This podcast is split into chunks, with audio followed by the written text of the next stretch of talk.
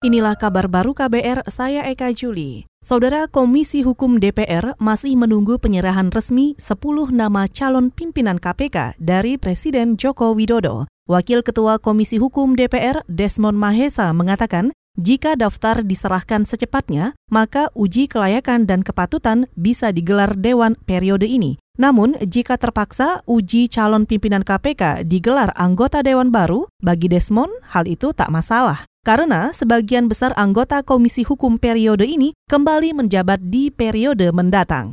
Serahkan secepatnya sebelum tanggal 7 agar masih punya agenda ke tanggal 24. Ya. Kalau udah diserahkan tanggal 26, 20, 3 ya nggak mungkin lagi. Wakil Ketua Komisi Hukum DPR Desmond Mahesa juga memastikan Dewan akan mempertimbangkan masukan dari publik dalam menguji 10 calon pimpinan KPK. Kemarin, Presiden Joko Widodo menyatakan menyetujui 10 nama capim KPK yang diserahkan pansel. Jokowi mengklaim sudah melakukan memeriksa rekam jejak tiap kandidat dari berbagai sumber. Dari 10 nama itu ada sejumlah kandidat bermasalah seperti Firly Bahuri dari unsur kepolisian. Firly diduga melakukan pelanggaran etik ketika menjabat deputi penindakan KPK. Saudara LSM Perlindungan Anak EKPAT bersama Kementerian Pemberdayaan Perempuan dan Perlindungan Anak bakal memberikan pendampingan kepada delapan desa bebas pornografi anak. Delapan desa yang dipilih tersebar di Provinsi Sumatera Barat, Bangka Belitung, Kalimantan Tengah, Nusa Tenggara Timur, dan Sulawesi Selatan. Koordinator Riset EKPAT Indonesia, Deden Ramadhani mengatakan pihaknya bakal memberikan pelatihan kepada tiap kepala desa tentang pentingnya mencegah asupan pornografi sejak dini. Sebenarnya kurang lebih tiga garis besar itu yang kita ingin capai. Punya peraturan, terus juga pemerintah desa berinisiatif untuk melakukan sosialisasi segencar-gencarnya ke masyarakat dengan bahasa lokal dengan macam-macam. Dan ketiga, anak-anaknya juga berpartisipasi aktif gitu. Ketika pemerintah mau punya program untuk melepas gadget, masa programnya menjahit misalnya kan nggak cocok gitu. Anak-anaknya itu yang mesti ngasih input.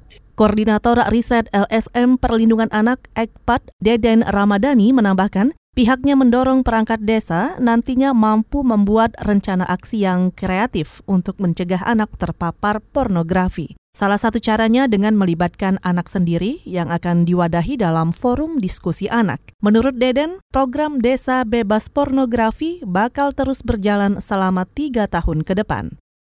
Kita ke Jawa Tengah. Pemerintah Kabupaten Rembang gagal membangun gudang penyimpanan garam lantaran terbentur aturan pemerintah pusat. Selengkapnya bersama reporter Radio Jaringan Musyafa dari Radio R2B Rembang. Pemerintah Kabupaten Rembang, Jawa Tengah gagal membangun gudang penyimpanan garam di Kecamatan Lasem tahun ini. Padahal dari sisi anggaran sekira 2 miliar rupiah, uangnya sudah siap.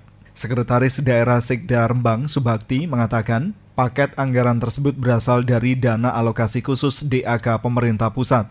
Yang menjadi kendala adalah status lahan untuk pembangunan gudang karena pemerintah pusat mewajibkan aset tanah harus milik pemerintah. Padahal pemerintah tidak mempunyai aset tanah yang berdekatan dengan area tambak.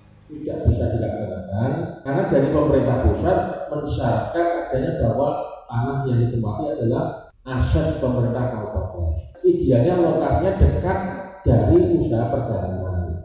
Subakti, Sekretaris Daerah Rembang.